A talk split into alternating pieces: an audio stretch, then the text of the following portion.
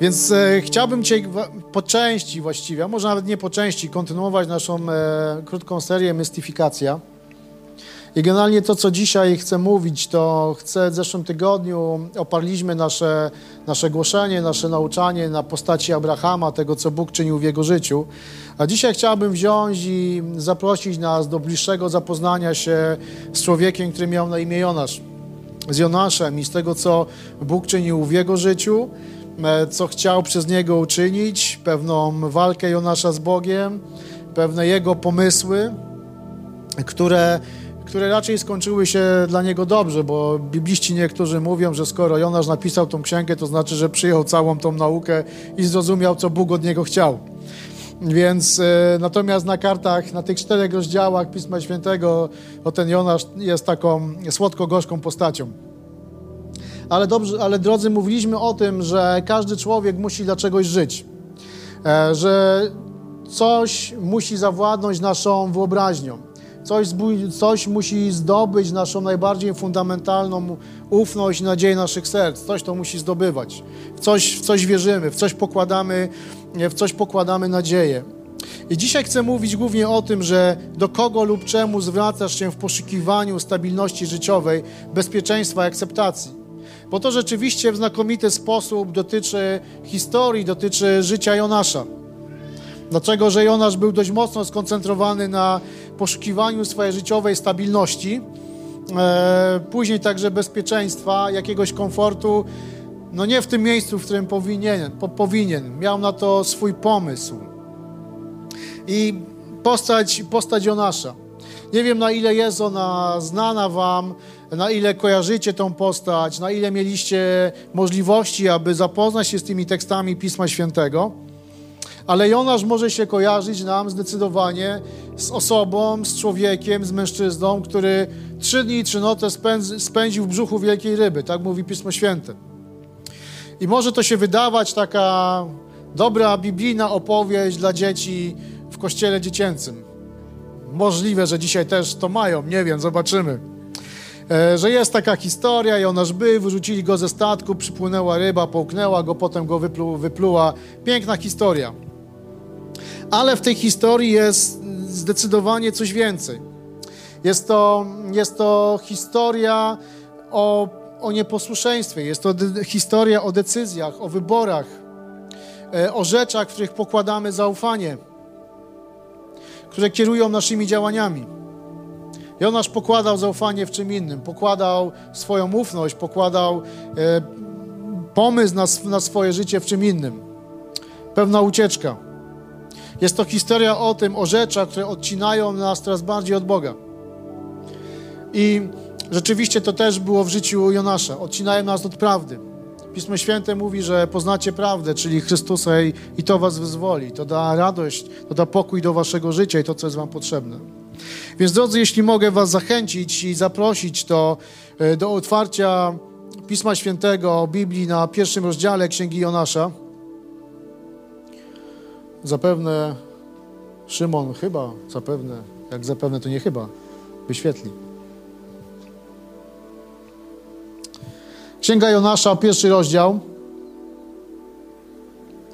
I historia jest taka, że Jonasz był, był prorokiem Boga w tamtych czasach w Izraelu, więc e, i było miasto Niniwa, o którym będziemy za chwilę czytać, miasto asyryjskie, które było pogrążone w niegodziwości, jeśli możemy tak mówić biblijnym językiem. E, miasto, które Bóg chciał zniszczyć z powodu tego, co tam się działo. I Bóg nakazuje Jonaszowi, mówi, wsiadaj, na, jedź, idź do Niniwy i głozi mu o upamiętaniu, żeby, żeby zmienili swoje życie, bo inaczej zniszczę to miasto. Więc co zrobił Jonasz? Jonasz oczywiście posłusznie obrał kierunek Niniwa, pojechał tam, i uczynił to. Niestety tak się nie stało, Jonasz zrobi co innego. Więc czytamy rozdział pierwszy, rozdziały 1 do 2.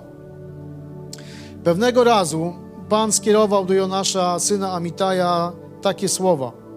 Wstań i udaj się do Niniwy, tego wielkiego miasta, i uprzedź jego mieszkańców, że postanowiłem rozprawić się z ich złem. Więc Bóg nadaje, nadaje kierunek, daje dyspozycję Jonaszowi, no nie powinien się tego specjalnie dziwić, że Bóg do niego mówi i daje mu spore wyzwanie. W końcu był prorokiem. I wiecie, jeśli mówimy o tej Niniwie, bo możemy się za chwilkę zastanawiać, czemu tak szybko zwiał z tego kierunku Niniwa, dlaczego nie chciał tam pójść. No miał parę powodów, o których też za, za chwilę powiemy, ale Niniwa właśnie była, była, była asyryjskim miastem, była stolicą ówczesnego imperium asyryjskiego. I też y, y, Księga Jonasza mówi o tym, że to było miasto, które liczyło 120 tysięcy mieszkańców. Że potrzeba było trzy dni, żeby je obejść. To było naprawdę wielkie miasto. A sami znowuż y, Asyryjczycy charakteryzowali się tym, że składali ofiary z ludzi, raczej byli, delikatnie mówiąc, bardzo niegodziwi, bardzo niesympatyczni, bardzo niemili raczej byli dość dzicy w, swoich, e, w swoim postępowaniu i ze swoimi wrogami nie, nie obnosili się zbyt delikatnie. Także cała Asyria, całe to imperium było naturalnie militarnym zagrożeniem dla, e, dla Izraela. I Bóg wysyła tam Jonasza i mówi: Mów do nich, głozim, aby się upamiętali, bo ich zniszczę. Bo ich zniszczę. Więc wszystko, wszystko to, co działo się, to, to wyzwanie mogło być dziwne. Kiedy tak po ludzku spojrzymy, no okej, okay, jest, jest państwo, które jest groźne, które zagraża także Izraelowi, a Bóg mówi do izraelskiego proroka, słuchaj, idź do nich, bo jak zniszczę, musisz ich uratować. Co byś sobie pomyślał? Jest to może trudne dla nas.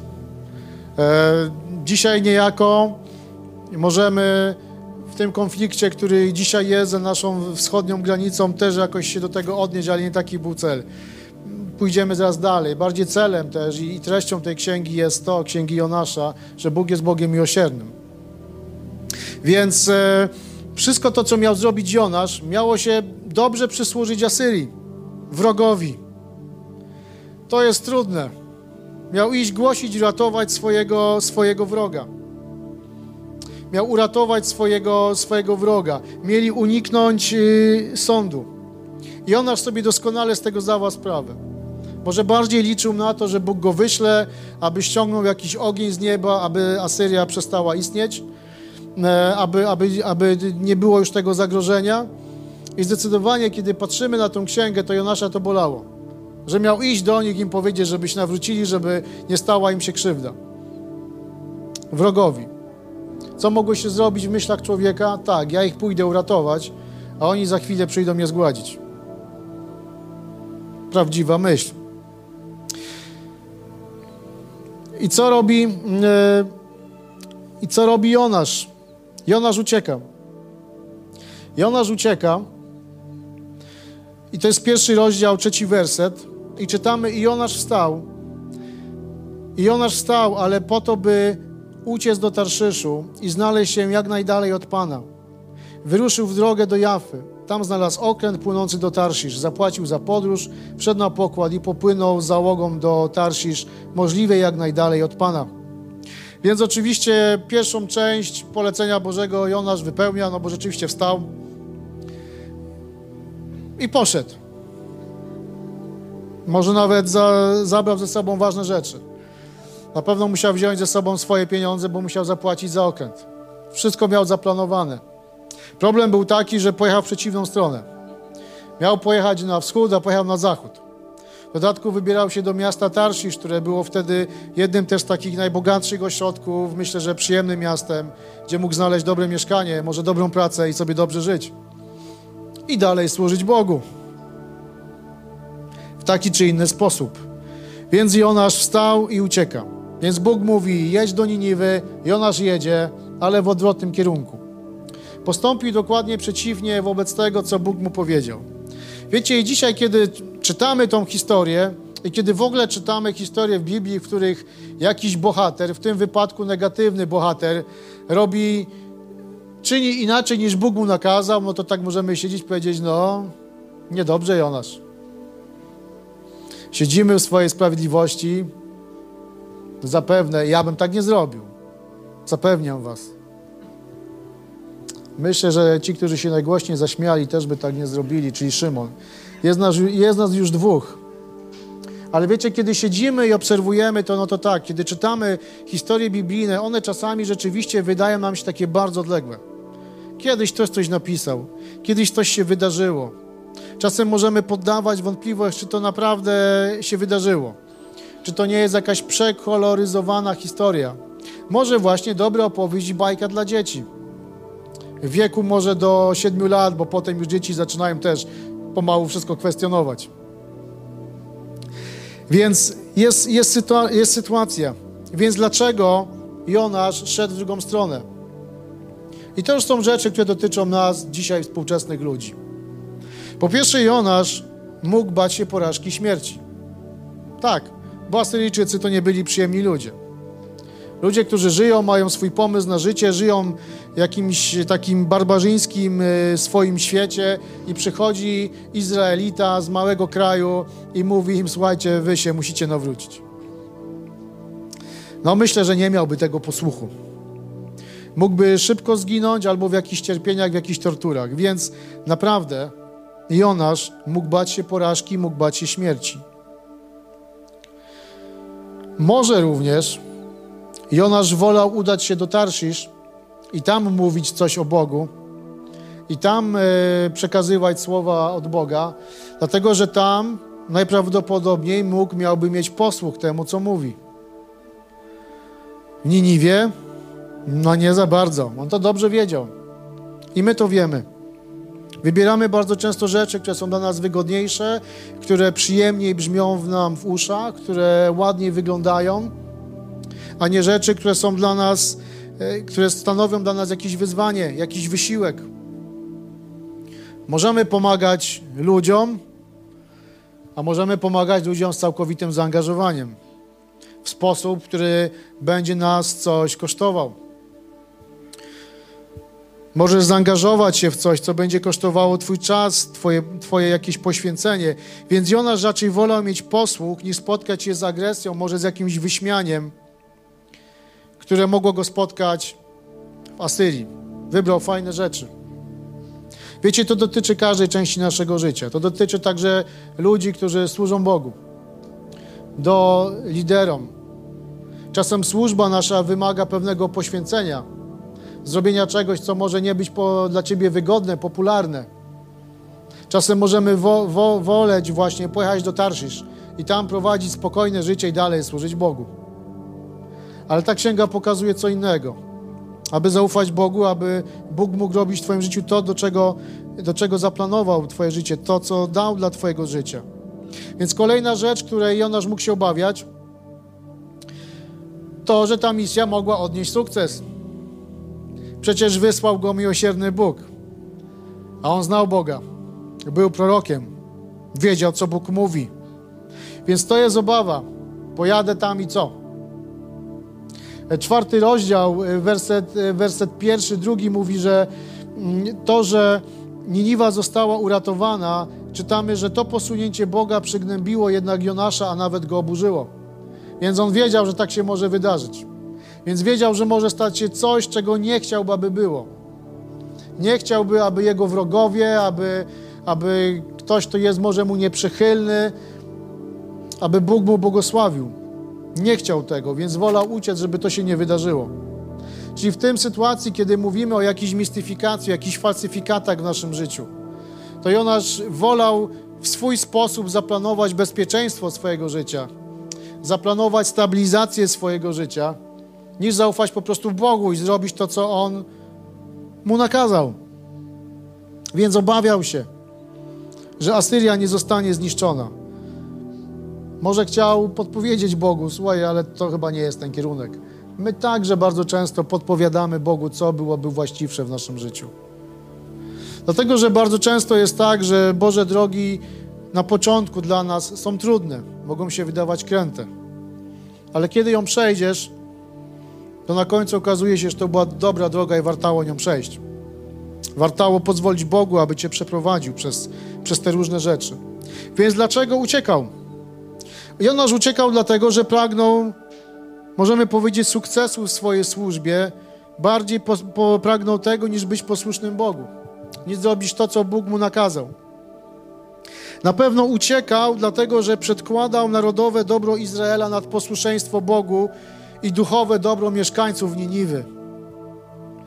Wiecie, bo w każdym mocarstwie, także i w tym, czego dzisiaj doświadczamy, są zwykli ludzie, którym też wcale nie jest po drodze z tym, co się dzieje. Wiecie, dla nas jako Kościoła, jako dla chrześcijan jest to pewnego rodzaju wyzwanie, bo nie możemy zgodzić się z tym, co tam się dzieje. I może gdybyśmy byli powołani do armii, musielibyśmy tam stanąć i walczyć z nimi. Ale z drugiej strony Bóg jest Bogiem miłosierdzia i Bogiem łaski. I to są czasem trudne rzeczy. Mimo wszystko mieć miłosierdzie i mieć łaskę. Myślę, że jako Kościół także w tej, w tej sytuacji możemy modlić się o to, aby, aby władza tyrana, władza Putina upadła, ale musimy błogosławić Rosjan. Błogosławić tych ludzi. Tak nawiązując przez chwilę wczoraj na Facebooku ktoś pokazał, puścił film, jak, jak chrześcijanie, jak wierzący z różnych kościołów w Kijowie, którzy byli schronieni w, e, w, w metrze, śpiewają na chwałę Bogu. To jest właśnie nasza postawa i naturalna reakcja nasza, ładnie już mówiąc, unieszko, zagroźmy naszemu wrogowi. Zróbmy dla nich jak najwięcej jak, jak najgorzej. I tak chciał zrobić e, Jonasz. Ale nasze serce, serce Boga mówi Bogosław. Nie poddaj się. Jeśli ktoś najechał na ciebie, walcz z nim, w sensie takim militarnym, to to się dzisiaj dzieje, ale nie możemy zapominać o miłosierdziu i o łasce, bo dzięki niej my żyjemy. Więc Jonasz przekładał narodowe dobro nad posłuszeństwo Boga.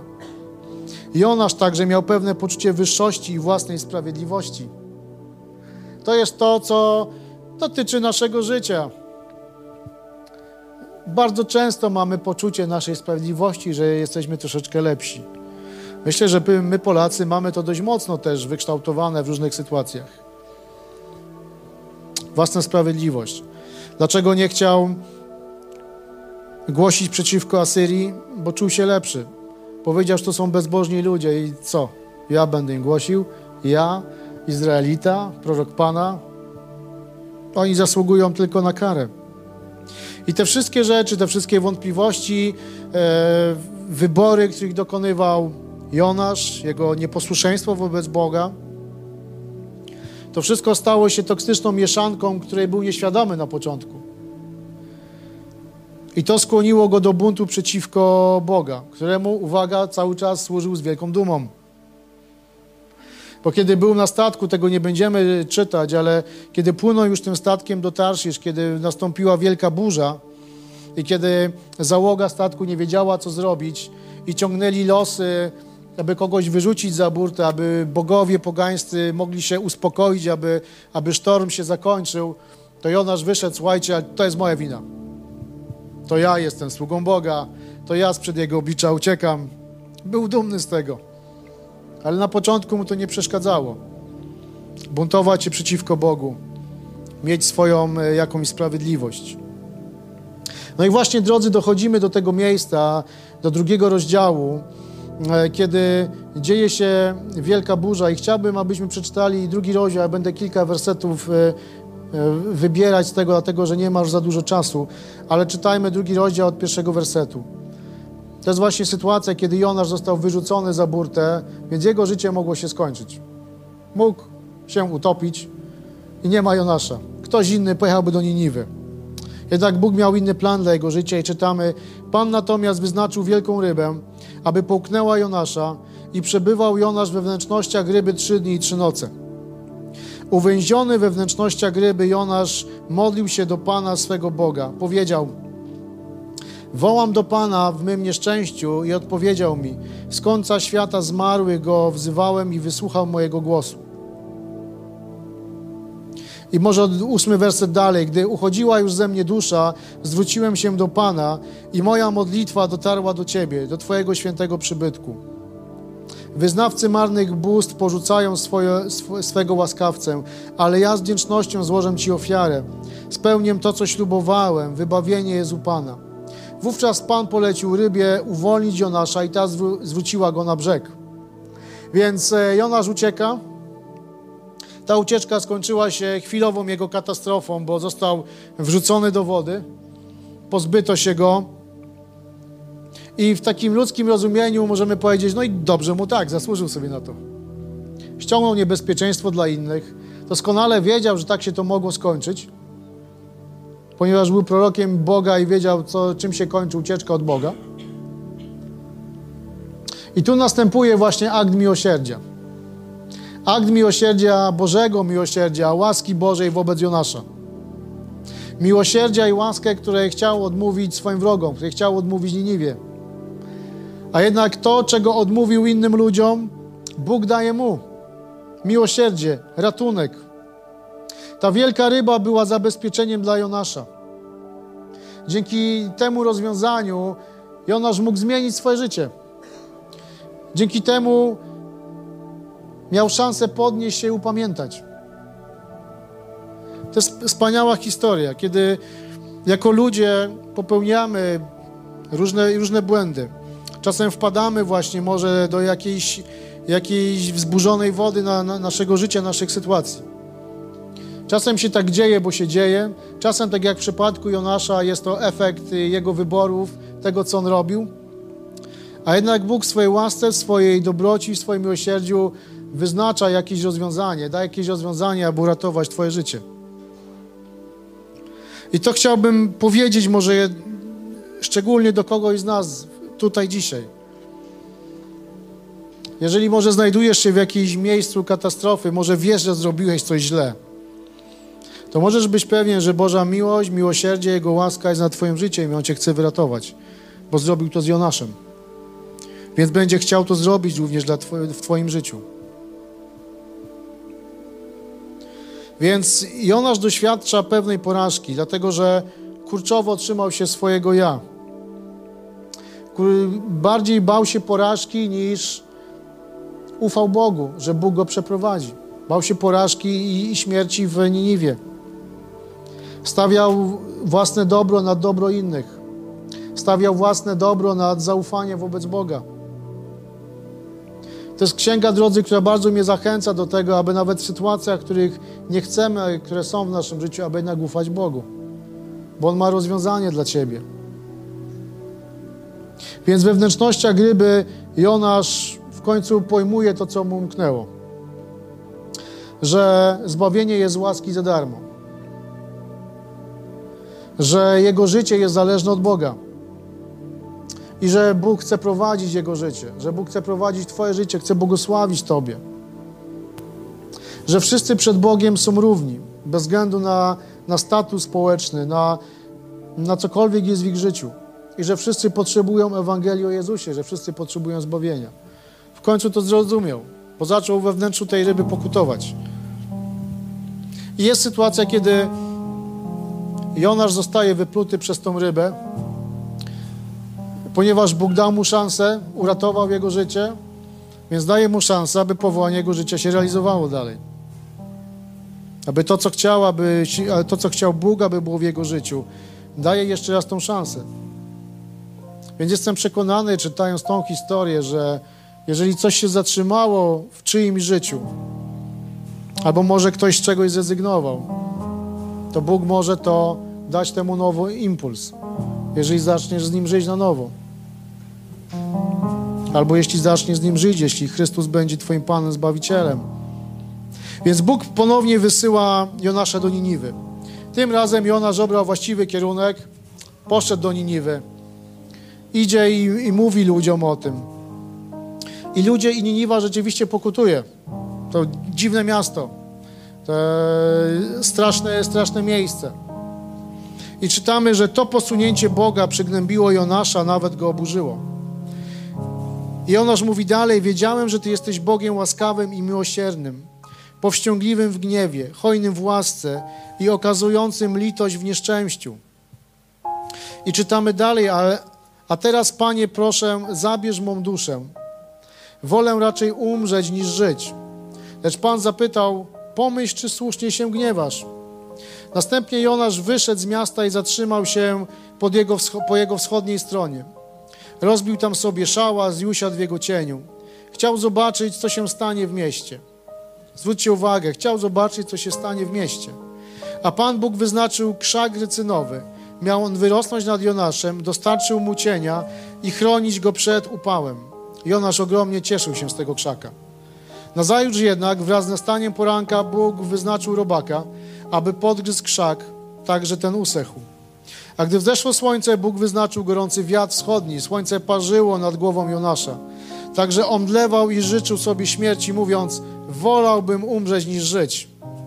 Wtedy Bóg zapytał Jonasza: Czy słusznie rozgniewałeś się z powodu krzaka rycynowego? Tak odpowiedział Jonasz: Słusznie się gniewałem i to śmiertelnie. A Pan na to, Ty żałujesz krzaka rycynowego, którego nie uprawiałeś i nie wyhodowałeś, który wyrósł, a potem usechł w ciągu jednej nocy. A ja nie miałbym żałować Niniwy, tego ważnego miasta, w którym żyje więcej niż 120 tysięcy mieszkańców, nie umiejących rozróżnić między tym, co prawe, a tym, co lewe, oraz wiele bydła. Więc jest sytuacja. Jonasz w końcu idzie, głosi. I zobaczcie, co jest. Mówi werset, on sobie usiadł i patrzył, co się dalej wydarzy. Po pierwsze był zły, że ci ludzie zareagowali na jego wezwanie. Że ci ludzie się e, zaczęli nawracać, zaczęli pokutować ze swoich, ze swoich grzechów, ze swoich czynów. On był naprawdę głęboko rozczarowany.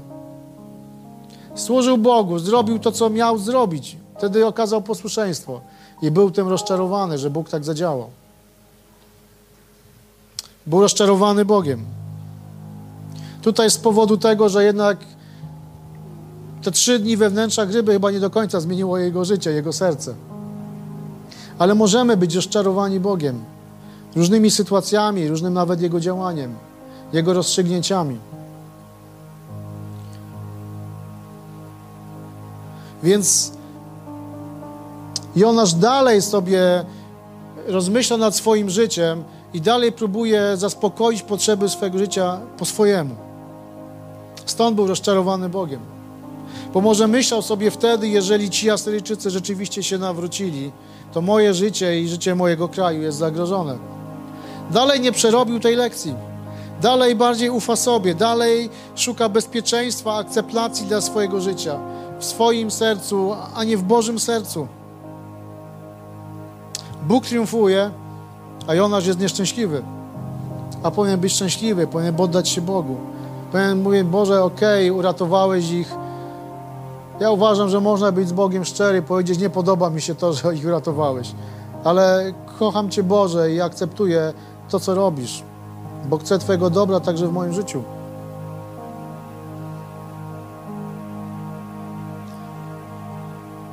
I Jonasz sobie siedzi i, i, i narzeka.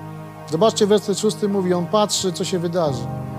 Pomimo tego, że rozmawia z Bogiem, dalej patrzy i mówi, a może jednak coś się tak wydarzy, że będzie po mojemu że będzie po mojemu. I cała ta księga, która mówi o Bożym miłosierdziu, o, o, Bożym do, o, o Bożej miłości do człowieka, pokazuje nam także, abyśmy całkowicie zaufali Bogu w Jego, w jego rozwiązania. Nieraz jest nam bardzo ciężko. I ona jest takim przykładem takiej ciągłej walki. Wierzę Bogu, ale chciałbym, żeby było inaczej. Wierzę Bogu, zrobię w końcu to, co On do mnie mówi, ale jestem rozczarowany jakimiś Jego rozstrzygnięciami.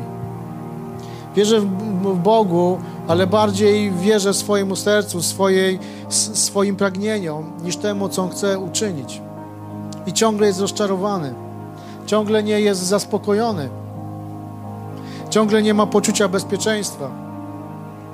Ciągle się z tym rozmija.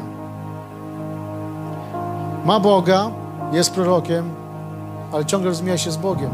Myślę, że on ciągle czeka, kiedy siedzi sobie pod tym krzakiem i patrzy na Niniwę i czeka, aż ona zostanie jednak przez Boga zburzona. To on ciągle czeka na to, że Bóg da mu jakiś znak, że Bóg odpowie na jego potrzeby. Bóg owszem odpowiedział, ale w taki sposób, jaki zamierzył. Wiecie, i wiele, wiele lat później, kilkaset lat później, kiedy Chrystus był na ziemi, kiedy Jezus był i przez, przez 30 parę lat na, na tym świecie, to ludzie też mówili do Jezusa. Szczególnie uczeni w piśmie, których tak określa Biblia. Mówili, daj nam jakiś znak, abyśmy mogli w Ciebie uwierzyć. A Jezus chodził przez trzy lata na ziemi, trzy lata służył, usługiwał ludzi, ludziom, uzdrawiał ich, czynił cuda, czynił różne znaki, a oni, go, oni mówią do Niego, no ale daj nam jakiś znak, pokaż coś, pokaż co potrafisz, abyśmy mogli w Ciebie uwierzyć. Widzieli tych znaków mnóstwo. I Jonasz miał tak, że to doświadczenie, widział te znaki, widział Boże działanie. Uciekł, Bóg go uratował, poszedł do Niniwy, Bóg uratował Niniwę, potem dał mu krzak, który go chronił od gorąca, a on ciągle mówi, pokaż mi jaki jesteś. Ciągle się przyglądam. Wiecie, i to jest y, takie wezwanie Ewangelii Pisma Świętego do naszego życia.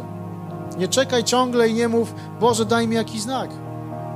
Czy Ty jesteś? Daj mi znak, czy jesteś prawdziwy. Daj mi znak, czy potrafisz uzdrowić. Daj mi znak, czy, czy kochasz mnie, czy kochasz ludzi. Ja mówię, uwierz we mnie. I Ewangelia Jana, 14 rozdział, 6 werset mówi Ja jestem drogą, prawdą i życiem. Nikt nie przychodzi do Ojca inaczej, jak tylko przeze mnie. Więc Jezus mówi, ja jestem drogą, ja jestem prawdą, ja jestem życiem. Po prostu uwierz we mnie.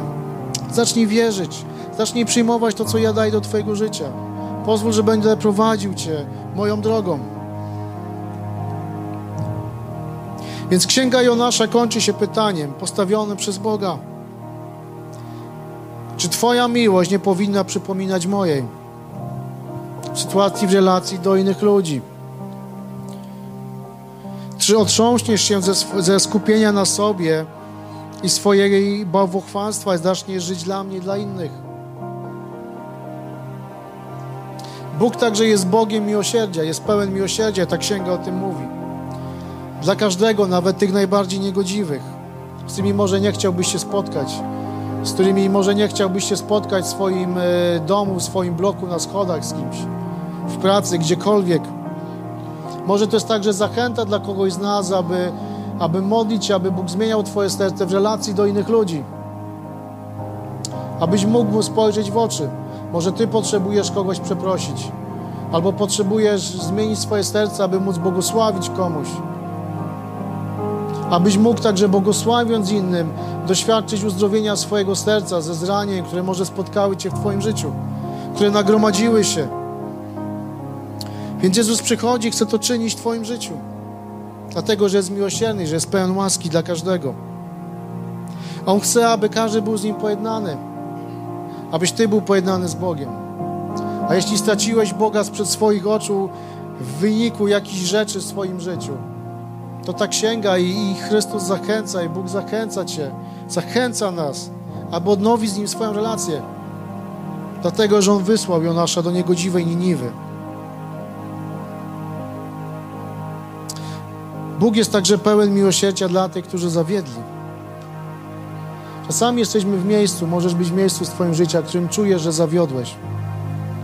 Zawiodłeś może swoich bliskich, może zawiodłeś Boga w jakiś sposób, może coś się nie udało, ale Bóg jest Bogiem miłosierdzia, bo On z tego miejsca wyciągnął również Jonasza. Kościele, chciałem, abyśmy mogli wstać na koniec do modlitwy.